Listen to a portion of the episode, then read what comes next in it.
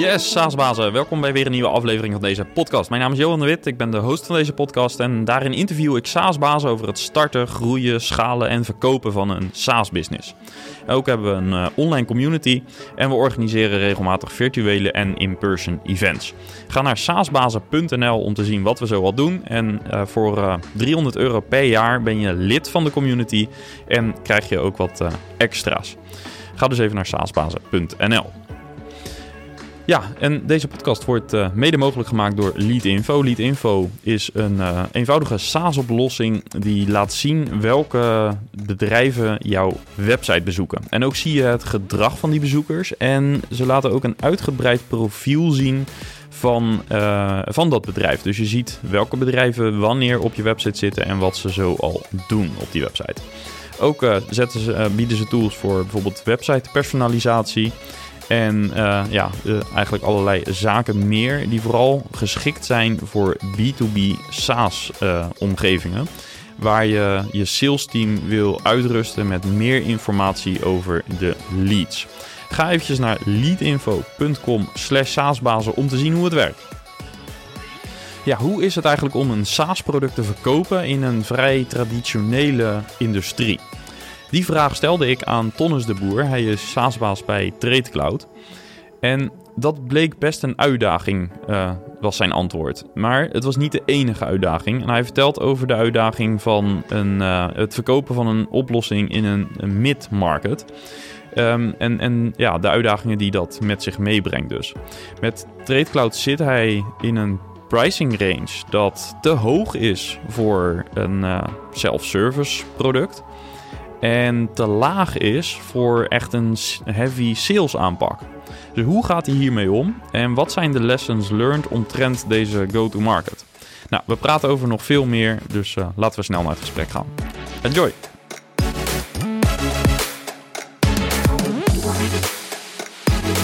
Ja, Tonnes, welkom. Uh, TradeCloud uh, staat vandaag op het programma. Daar ben jij de SaaS-baas. Um, jullie zijn actief in de wereld van uh, supply chain. En ik vroeg me af onderweg uh, hier naartoe vandaag. Uh, hoe is het eigenlijk om in deze tijd een oplossing te hebben in de supply chain wereld? Met eigenlijk alle dingen die daar op dit moment gebeuren, alle ja, uitdagingen. Ja, ja, ja, de supply chain is nog, heeft nog nooit zo, zo vaak in de kranten gestaan dan de afgelopen maar er gebeurt natuurlijk heel veel. En uh, ja, wat wij niet kunnen oplossen is dat jouw container uh, ergens uh, overdwars staat in het Suezkanaal. Maar waar we onze klanten wel bij proberen te helpen is om inzage te geven dat die daar is, zeg maar. Ja, want dan kaart je meteen een beetje het probleem aan wat jullie oplossen. Kan je wat meer over vertellen, over wat jullie oplossing doet? Ja, wat wij onze klanten proberen te helpen is om een supply chain te digitaliseren. Nou, klinkt heel, heel, heel breed, maar waar we concrete bedrijven uh, mee helpen is, uh, is twee dingen eigenlijk. Is om het, het inkoopproces zoveel mogelijk te automatiseren. Alles wat klopt, dat wil je niet meer zien. En ten tweede om inzage te geven in de uitzonderingen. Dus inderdaad, ja, wat is er met die container aan de hand? waar staat die? Wanneer komt die binnen? En kijk, onze klanten die maken allemaal dingen, fysieke producten. Dus we hebben klanten als een, als een koeker, een gezelle, Dame Shipyards. Dus allemaal mensen die een, fabriek hebben waar uh, een hoop onderdelen bij elkaar komen wat tot een product moet, uh, moet leiden. En uh, ja, als je één, één dingetje niet hebt, dan kun je die hele kraan niet maken. Hè? Of, of die kun je die hele boot niet maken. Dus ja. dat is waar men, waar men een probleem mee heeft. Zeg maar, ja. Waar men inzage in wil, in wil hebben. Ja, en hoe is het idee tot stand gekomen? Of hoe ben jij als SaaS-baas uitgekomen op dit ja, idee? Ik, ik, ben relatief laat begonnen als ondernemer. Het was een droom waarvan ik op een gegeven moment dacht, het is now or never. Dus ik heb, ik heb lang bij Exact Software gewerkt in Delft. Daarna een aantal jaar in de in de e-commerce, op het gebied van online betalen. En uh, nou, dat bedrijf krijgt een andere eigenaar. En dat was voor mij de, de, de, de kans om, uh, ja, om, om, om, om, om iets anders te gaan doen. En ik dacht van ja, als ik nog een keer iets wil, uh, dan moet dat nu gebeuren. Dus toen ben ik begonnen. En, en waarom ja. wil je dat graag? Ja, weet je, een be bewijsdrang, denk ik, die ik had nog uit het verleden. Van ik kan dit, ik kan dit ook. En ik, moet ik wil voor mezelf aantonen dat ik het, dat ik het, dat ik het ook kan. En uh, ja, daarnaast ook wel de vrijheid om gewoon als ondernemer en uh, niet voor een baas te werken. Dat is ook wel iets wat ik altijd wel uh, ja. ergens zat, zeg maar. Ja, en, lekker zelf doen. Ja, en nu na al die jaren, hoe kijk je nu terug naar die beslissing? Ja, ja, ja het, het heeft, heeft voordelen en nadelen. Heeft het gebracht wat je had verwacht? Ja, nou de vrijheid en het ondernemerschap, zeg maar, dat, dat, dat, heb, dat heb ik zeker. Maar ik, ga, ik denk niet dat ik, dat ik echt voor in een heel grote organisatie of zo ooit weer zou kunnen werken of zo, zeg maar. Maar er komt wel een hoop bij, een hoop stress. En uh, ja, je moet uiteindelijk moet je het allemaal zelf doen. Ja. Dat is wel... Uh... ja. En, en wat zie je juist grote organisatie? Nou, dat is eigenlijk niet zoveel van de mensen af hoor, maar een hele rigide organisatie waar je, waar je heel veel structuur en heel veel politiek hebt of zo, zeg maar. Nee, daar hoop ik, uh, dat is niks van mij. Nee. En, en stel nou dat Trade Cloud uh, doorgroeit naar toch een, zo'n organisatie groot met meerdere managementlagen, dat soort dingen. Of, of laat je dat gewoon niet gebeuren? Nou, dat, ik denk dat is niet zo bezwaar. Maar je ziet ook hele grote bedrijven die dingen nog steeds wel vrij autonoom, authentiek en uh, waar ondernemerschap gewaardeerd wordt. Uh, en zeker in de SaaS-wereld. Ik denk dat mooi van Salesforce of zo, zeg maar. Of zo. Ik denk dat daar uh, nou, weinig politiek is en men duidelijk weet wat, de, wat het doel ja, waar men aan werkt. Ja, precies. Dus nee, dat, ik heb niet, dat, het mag niet zo groot worden of zo. Nee, absoluut niet. Nee. nee. En de bewijsdrang? Als je daar nu uh, op terugkijkt, uh, ben je tevreden? Ja, je bent eigenlijk nooit mee klaar, hè? Dat is een beetje het lastige, zeg maar. Dus dan moet je op een gegeven moment... Nou, je moet, wat ik ook wel nu, nu een aantal jaren wel vind... je moet wel je succes uh, vieren en blij zijn wat je hebt. Want anders is er altijd wel weer iets nieuws als ondernemer. Je bent echt nooit, nooit klaar. Dus ja, dat ja. punt sta ik me wel. Ja, en, en ja. bedoel je ook dat je in het verleden daar meer moeite mee had of zo? Dat je successen niet vierde en altijd bezig was met morgen? En nu dat ja. wel beter kan? Nou, ik heb wel zoiets, als, ik, als we een nieuwe klant hebben, een nieuwe grote klant, dan mag dat wel even gevierd worden. En dan uh, kunnen we ook wel even iets anders gaan doen of zo. En ik heb wel tijden gehad dat ik, dat ik blij was, dat ik echt niet even blij kon worden van een klant of zo. Dan moeten we weer naar de volgende of zo, zeg maar. Maar dat is ook niet helemaal... Uh, nee, goede, goede balans vinden. Ja. ja. ja. Alright, uh, kun je iets vertellen over hoe jullie organisatie eruit ziet? Ja, uh, Tradecloud uit Delft. Wij zijn echt een productbedrijf. Um, dus wij proberen het beste product te maken voor, de, voor deze industrie. We hebben een team in uh, Delft zitten wat bestaat uit uh, product management, sales en staf en alles wat erbij hoort, zeg maar. we hebben een development team in Oekraïne opgezet waar we met eigen mensen, waar we onze software bouwen. Aangestuurd door de ja, CTO en product management vanuit is dat Delft. Vanaf, ja, en is dat vanaf het begin zo gedaan of hebben jullie eerst hier een lokaal dev team gehad? Ja, we hebben alles wel een beetje geprobeerd. Heel veel met freelancers gewerkt ook. Uiteindelijk via, hoe heette het toen, Starter Squad. Dan kon je freelancers inhuren overal ter wereld. En, nou, daar zat iemand bij uit, uit Oekraïne.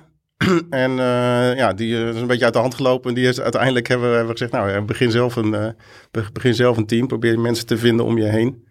En bouw daar een team mee op. Ja, hoe lang is dat geleden dat jullie daarmee zijn begonnen? Ja, dat is denk ik al vijf, zes jaar geleden. Zoiets. Ja. En, en hoe ziet dat er nu uit? We hebben nu zeven man in Oekraïne zitten. Uh, en die worden aangestuurd door een, uh, door een lokale uh, manager, zeg maar. Iemand ja. die al, al nog langer voor ons, voor ons werkt. Op een gegeven moment gaan kijken daar ook. Ook met al die outsourcing clubs gesproken. Er zitten best grote partijen tussen. goede partijen ook wel. Maar werkt vooral goed, denk ik, als je echt heel veel mensen nodig hebt op korte termijn. Dan kunnen ze je daar goed mee helpen. want uiteindelijk moet je, toch, moet je toch alles zelf doen. Je moet zelf die mensen beoordelen. En aannemen. Ja, wat zijn de belangrijkste uitdagingen geweest in dit proces om zo'n team daarop te zetten? Um, nou, wat het nu is, is wel de retention, denk ik inderdaad. Van hoe hou ik ze? Hoe hou ik ze? En het, de, de, de, cultuur is, is, is daar nog meer dan hier. Denk van, nou, om een paar jaar gaan mensen weer iets anders doen. Uh, je moet oppassen dat je niet meegaat in een enorme loonspiraal. Van elke jaar 20, 20 procent erbij. Hm. En dat ze alsnog weggaan of zo, zeg maar. Dat is, uh, dus ja, we hebben veel aandacht nodig om, om leuk werk te bieden. Denk dat we dat, we dat proberen. Veel vrijheid. Uh, tijd te geven om zelf dingen uit, te, uit te, te zoeken. Om zelf wat projecten op te pakken. Ze te betrekken, zodat ze verder komen. Elke keer weer nieuwe uitdagingen hebben. Ja. ja. Anders zijn ze snel vertrokken. Ja, en hoe ziet de communicatie met het team eruit? We zijn bijvoorbeeld asynchroon of hebben jullie bepaalde meeting uh, cadence? Of... Nou, die mensen die, uh, kijk, feitelijk, of ze nou waar ze, waar ze zitten, maakt ons eigenlijk niet uit. Dus ze draaien volledig mee in ons, uh, in ons DevOps team. Dus elke ochtend de stand-up. Ja. En of ze nou in Kiev zitten, in Delft of wherever, dat maakt ons eigenlijk niet uit. nee. Nee, heeft corona dan veel impact gehad nee, op jullie team? eigenlijk niet. Nee, we werken al zo. Niet, nee, nee, we werken ja. al zo, ja. ja.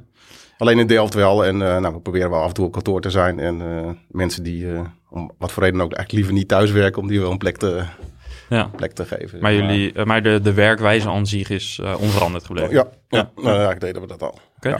Ja. misschien toch nog heel even terug naar de oplossing, want je schetst natuurlijk het probleem dat jullie oplossen. Kan je aangeven zeg maar, wie jullie klanten dan precies zijn?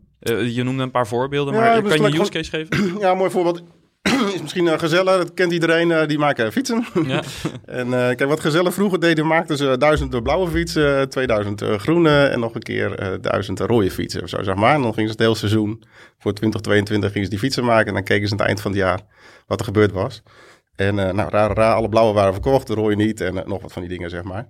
Nou, dat, dat, dus dat is even hoe, hoe vroeger heel veel maakindustrie georganiseerd was. Echt gewoon nou, voorraad, voorraad gestuurd. En, uh, en, en nou, dat kan niet meer, dus je moet veel sneller reageren op de markt. Dus je wil eigenlijk fietsen maken in series van 10 of 100 of zo. En dan eigenlijk op het laatste moment nog bijsturen.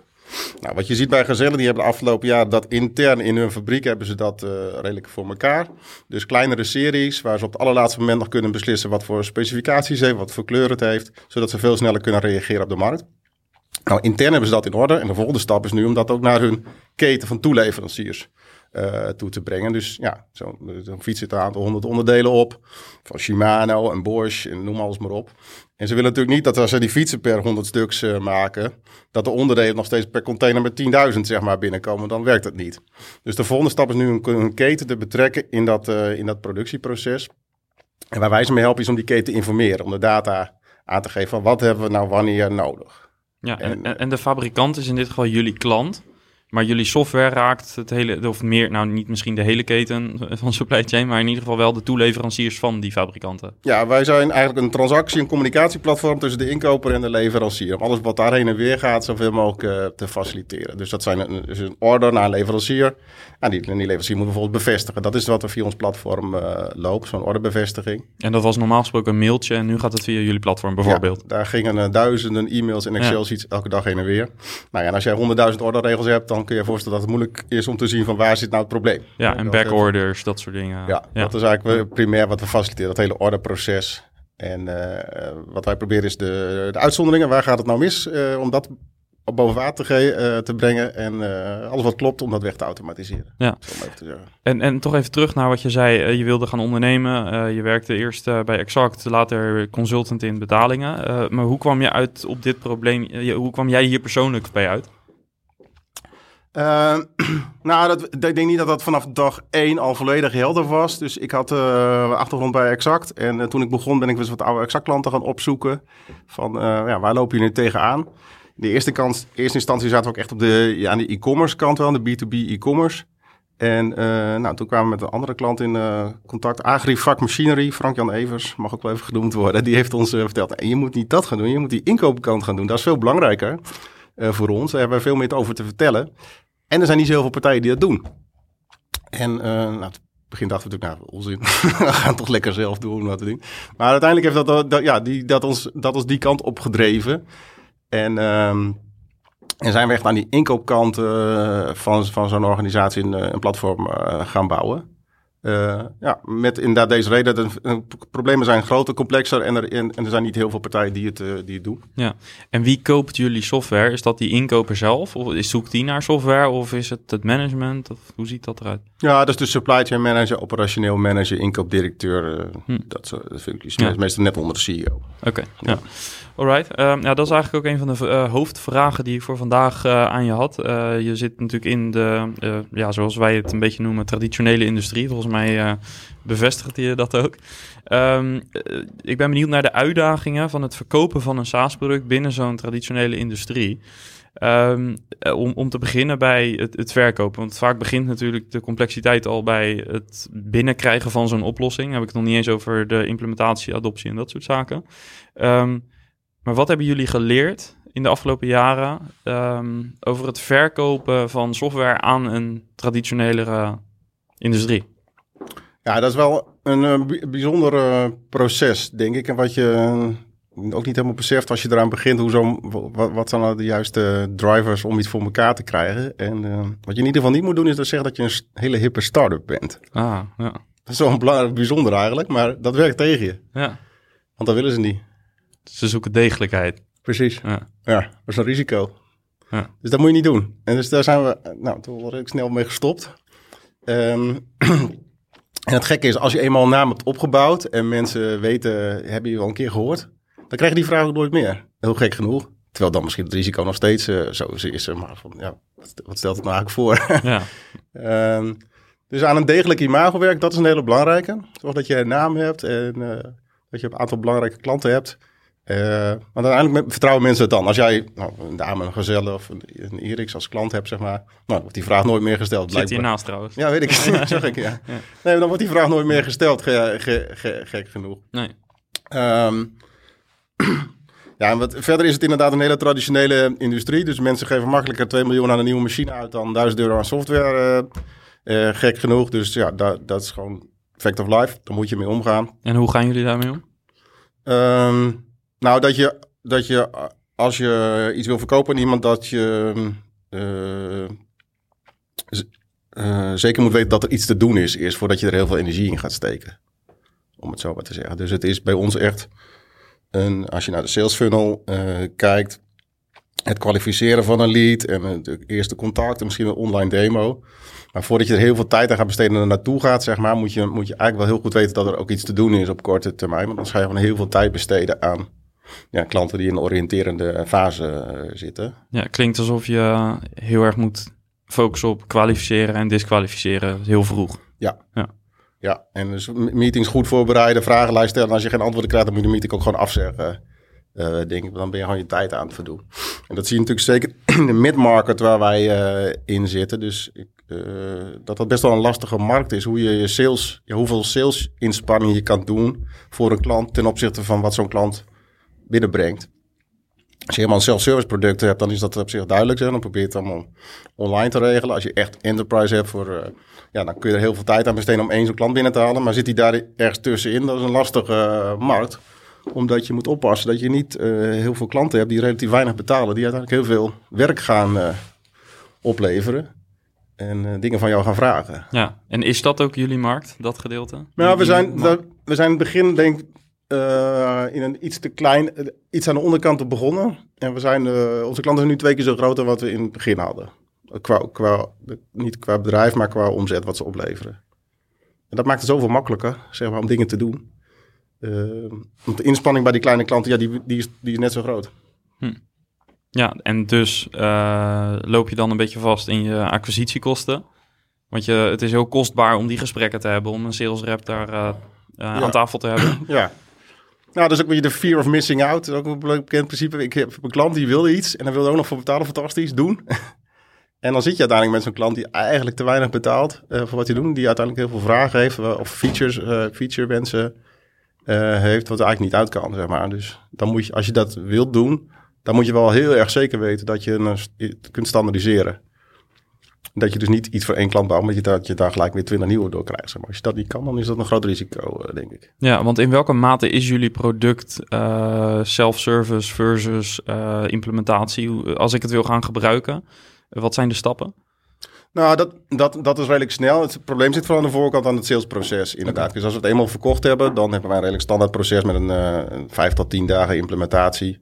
Uh, tot iemand up and running uh, is. En daarna gaat het abonnement in. Dan komen er allemaal wensen inderdaad van features. Maar het is mooi als iemand daar iets, iets voor budget voor heeft en wil betalen. Um, dan dat je allemaal features hebt die net weer iets anders zijn of zo. Zeg maar. Dat is natuurlijk lastig. Ja, uh, want hoe ziet het pricingmodel eruit? MMR, dus abonnementen, SaaS-abonnementen op maandbasis op basis van het volume wat mensen doen. Dus het aantal order, aantal orderregels. Ja, oké, okay, dus het schaalt mee met het gebruik. Ja. ja, en uiteindelijk is dat ook het voordeel wat men heeft. Als je heel veel orderregels handmatig moet verwerken en dat kun je automatiseren, dan is dat direct ook de business case om het, uh, om het rond te laten doen. Ja, hebben jullie ook vanaf het begin af aan al dit pricingmodel of hebben jullie daarin moeten tweaken door de jaren heen? Uh, ja, maar wat variaties gekend. De basis is eigenlijk altijd hetzelfde geweest, dus om abonnementen uh, te doen. Wat geëxperimenteerd met uh, transactiemodellen. Het lastige van puur een transactiemodel is dat het bij ons wel zou kunnen, maar dat je dan de, je omzet eigenlijk heel ver vooruit schuift. En wat bedoel je met transactiemodel? Nou, om, om ze gewoon per, per order die verstuurd wordt te laten betalen. Dat okay, zou op zich ja. kunnen. Alleen maak je dan je prijsmodel heel erg afhankelijk van hoe succesvol jij en je klant ook de implementatie, uh, hoe snel ze dat voor elkaar krijgen. Ja. Dus dan voor je het weet, heb je je omzet weer een half jaar vooruitgeschoven. Ja, en het is wat misschien... we nu verkopen is ja. prepaid abonnementen, zeg maar je telefoonabonnement voor een aantal transacties, wat ze wel upfront uh, uh, betalen. Want daar zit, daar zit hoeveelheid werk voor ons. ja. ja, en het wordt dan ook echt recurring. En anders zou het, uh, krijg je wat meer grillig. Want dan de ene maand hebben ze meer orders dan de andere maand. Dus het is iets moeilijker voorspellen wat de omzet gaat doen voor je. Ook dat. Ja, ja, ja precies. Ja. oké. Nog even over die mid-market. Dus eigenlijk zeg je van ja, daar kom je een beetje stuk in de middel. Want je hebt te weinig budget om daar echt sales op te zetten. Um, en als je helemaal niks doet, dan snappen ze misschien de waarde niet. Mhm. Uh, dus uh, ja, wat is nu voor jullie de, de sweet spot geworden? En um, hoe disqualificeren jullie? En gewoon even heel praktisch. Kun je ons meenemen in dat salesproces? Ja, uh, het belangrijkste is dat er wat probleem groot genoeg is om op te lossen. Uh, van wijze levensles, de start-up. Uh, en dat probleem is bij ons groot genoeg als, daar, als, daar, als we meerdere mensen kunnen besparen. Gewoon überhaupt. En als men um, strategische noodzaak ziet, zo noemen we het dan, zeg maar, dat ze hier iets mee moeten met dit onderwerp. Want anders blijft het Ja. een beetje kruimelwerk. En, en hoe toetsen maar. jullie dat? Hebben jullie bijvoorbeeld een discovery call of plan je een demo of is dat een salesgesprek? Uh, hoe halen jullie die informatie naar voren? Um, nou, uh, het gesprek gaat meestal dat er een eerste demo is met, uh, met één persoon, of uh, nou, een beperkt aantal personen, zeg maar. En voordat we dat doen, hebben, hebben we ook een discovery call. Inderdaad, om te vragen hoeveel leveranciers heb je, hoeveel mensen zijn er mee bezig met dit proces. En wat zie je zelf als, uh, als uitdaging, wat, wat moet veranderen, zeg maar. Ja. En daar moet je wel een duidelijk antwoord op hebben, zeg maar. Want anders uh, is het probleem waarschijnlijk niet groot genoeg, zeg maar. Nee. Als een halve FTE kunnen besparen of een beetje, een beetje werk, ja, dat, daar moet je niet voor doen, zeg maar. Nee. En, en de, wat is de impact op marketing? Want dit is natuurlijk meer het salesgedeelte, maar hoe, zor, wat, hoe, hoe draagt jullie marketing bij aan die bewustwording binnen dit soort organisaties? Ja, ik denk dat dat niet zo heel groot is in die zin, omdat het toch uiteindelijk ja, je aan mensen verkoopt die met een DMU, uh, met een heel bedrijf, en dat ze er klaar voor moeten zijn dat dit, nou, dat men beseft dat dit een belangrijk onderwerp is waar ze iets aan moeten uh, gaan doen. Dus je kunt er niet heel veel harder aan trekken in die zin om het op de agenda te krijgen. Uh, het goede is dat er nu veel nieuws is rondom supply chain inderdaad, en dat het dus geholpen wordt door de, door de media van ja, dit is een belangrijk onderwerp. En um, de track and trace wordt steeds belangrijker dat je van je leveranciers moet weten van waar komen spullen vandaan, wat is de country of origin. En, uh, dus het krijgt steeds meer aandacht. Uh, wel. Maar voor de rest kun je daar in de marketing niet heel veel aan doen. Want het begin ook wel het idee van je moet echt op de social media, de Twitter en de Facebook of zo. Maar voor deze business, forget it, uh, heeft, totaal, hm. heeft totaal geen zin. Weggegooid geld. Ja, nou ja, toen je net de studio binnenkwam, toen we nemen dit op in een podcaststudio waar ook een talkshow setting staat. En toen uh, sparkte dat volgens mij bij jou het idee om misschien ook zoiets te doen. Klopt dat? Om, om, om wat meer over supply chain te gaan praten met mensen uit de industrie, met potentiële ja, klanten? Dat, dat, dat werkt. Gewoon concreet laten zien wat je doet. En het liefst van bedrijven die een beetje lijken op die andere bedrijven. Dat is wat, ja. dat is wat werkt in deze markt. Ja. Mensen kopen van, van collega's of van collega's. Ja, ik kan me voorstellen dat als ik, uh, nou ja, laten we zeggen, inkoopmanager ben bij uh, Batavus. En ik zie een case study over hoe zij, hoe uh, een van mijn grootste concurrenten de boel uh, beter organiseert intern. Dan zou ik zeggen, nou, uh, ja. daar zou ik wel, dat zou ik wel even willen lezen of be willen bekijken. Ja, nou, dat klopt ook. Daar ga ik volgende week langs. oh, echt? Ja, dat werkt wel een beetje. Nou, dan zijn dat hele directe concurrenten. Dus dan kom je weer wat andere, ja, dan komen andere, andere dynamiek terecht. Dus het moet ja. eigenlijk niet de meest directe concurrent zijn. Nee, maar wat gewoon helpt in die, in die industrie. De wereld is niet zo groot. Hè. Er zijn een paar duizend bedrijven in Nederland die wat de maakindustrie vertegenwoordigen. Die kennen elkaar ook allemaal wel. Je hebt gewoon een paar frontrunners, een paar uh, early adopters. En mensen vinden het mooi om te zien wat die doen. Maar heel, het zijn heel praktische mensen inderdaad. Want ik heb gewoon een probleem wat opgelost uh, waar ik uh, hulp bij zoek. En kan iemand mij helpen, dan uh, ja, ja. kan ik ook snel verder. Ja, alright. Um, als je nu opnieuw zou beginnen um, in, met hetzelfde product in dezelfde markt, zou je dan bepaalde dingen anders doen? En zo ja, wat? Ja, ik denk dat wat, wat uh, belangrijkste ondernemersles is dat, je, dat een aantal dingen zijn waar ik vrij snel een beslissing over moet nemen. Of een knoop moet doorhakken, omdat het anders een beetje blijft zweven.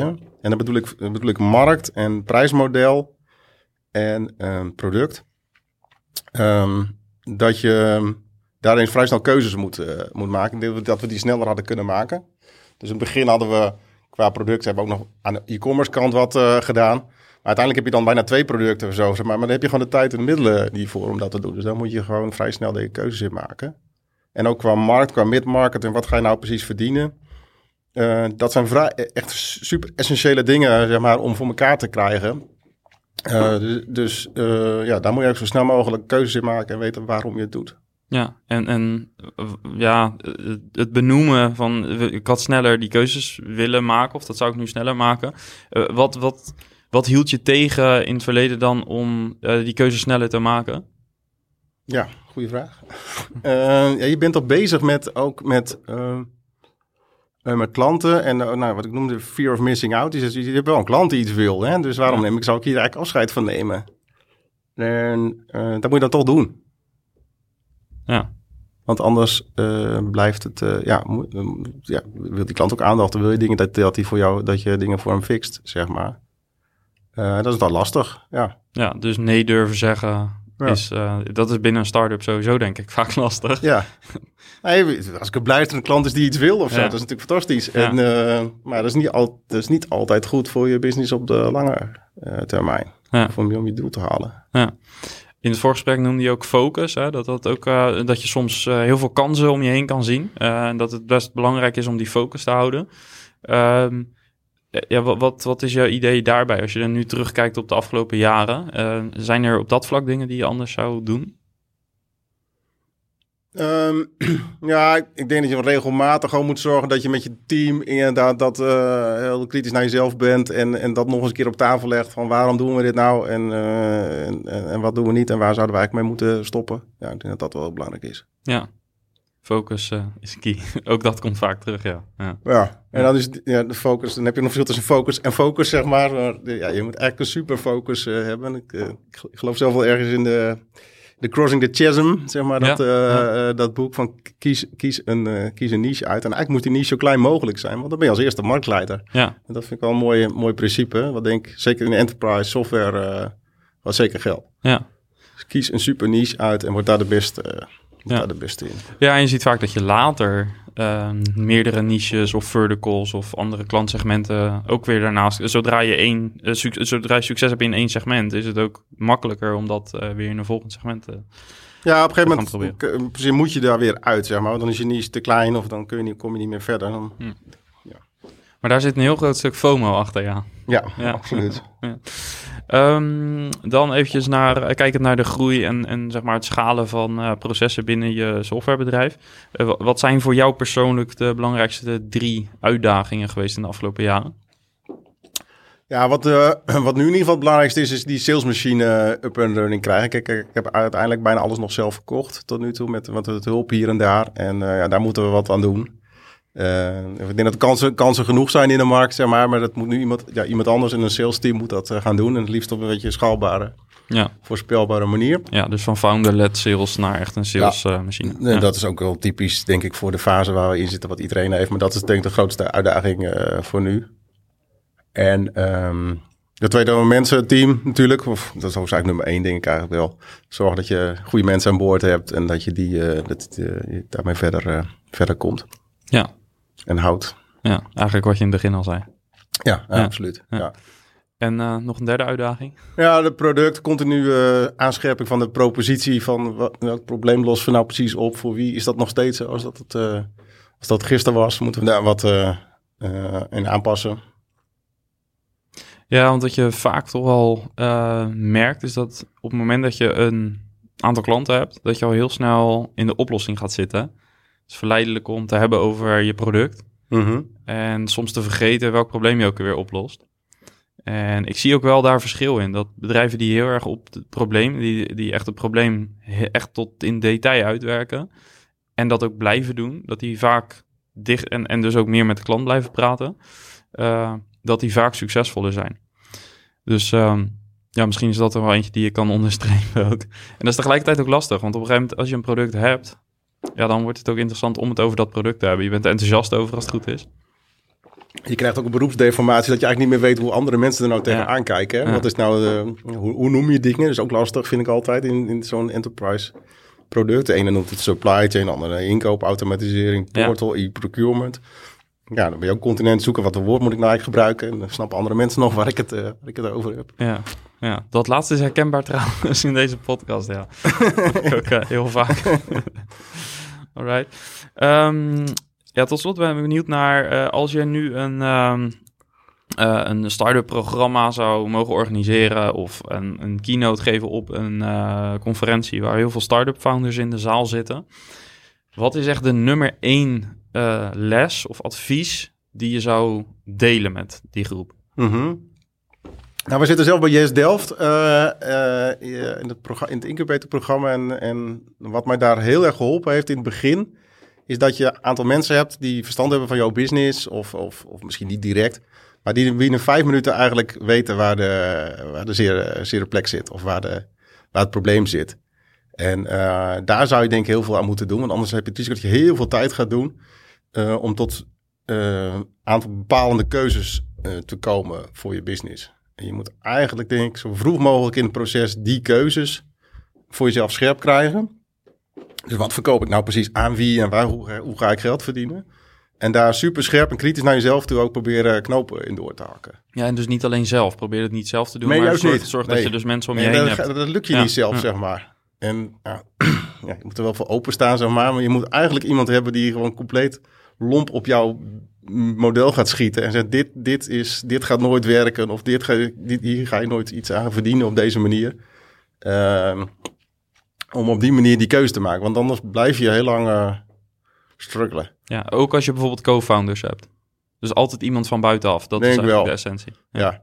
Ja. je zit al vrij snel met, uh, met, in je eigen team in een uh, ja, bepaald denkpatroon of zo, zeg maar. En dan heb je een eerste klant, denk je, ja, we gaan gewoon beginnen. Ja. En dan is het handig als iemand zegt van ja, maar deze klant, dat is leuk dat jij er dit jaar geld aan gaat verdienen, maar dit wordt over twee jaar een enorm uh, probleem. Ja. Zo met het, dat soort. Uh... Kun je nog een vraag of anekdote herinneren van een van dat soort gesprekken met iemand uh, van Yes Delft of, of een andere iemand die die rol voor jou op dat moment invulde, waar, die, die, echt van betekenis is geweest voor je? Um, nou, even nadenken hoor, inderdaad. Nou, wat in business business moet je natuurlijk echt een probleem oplossen. Dat is wel belangrijk. Dus uh, ja, forget dat jij de nieuwe iPhone gaat verzinnen of zo, zeg maar. Dat is in business to business totaal irrelevant. Je moet gewoon een probleem oplossen. En uh, was altijd het voorbeeld met aspirine, zeg maar.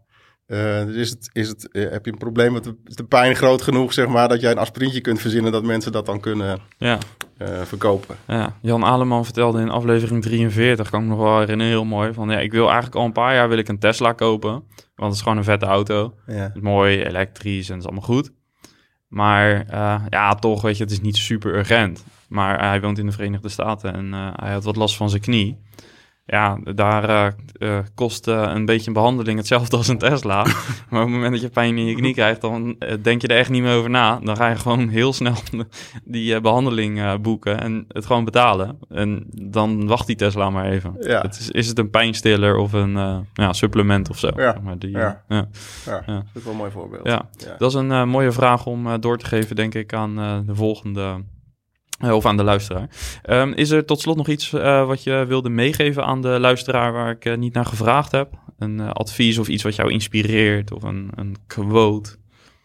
Nou ja, als, als mensen in die enterprise hoek zitten, dan wil ik graag een keer met ze sparren om er zelf ook van te leren. Ik, ja, er gebeurt heel veel in de enterprise software hoek. En uh, dus als andere mensen daarvoor interesse hebben, graag. Ja. Nou, laten we dat via de community in leven houden, die oproep. Ja.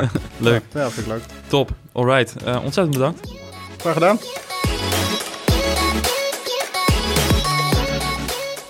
Yes. En zijn dit de thema's waar je zelf ook een beetje mee struggelt? Of heb je juist antwoorden op vragen waar Tonnes en andere SaaS-bazen tegenaan lopen?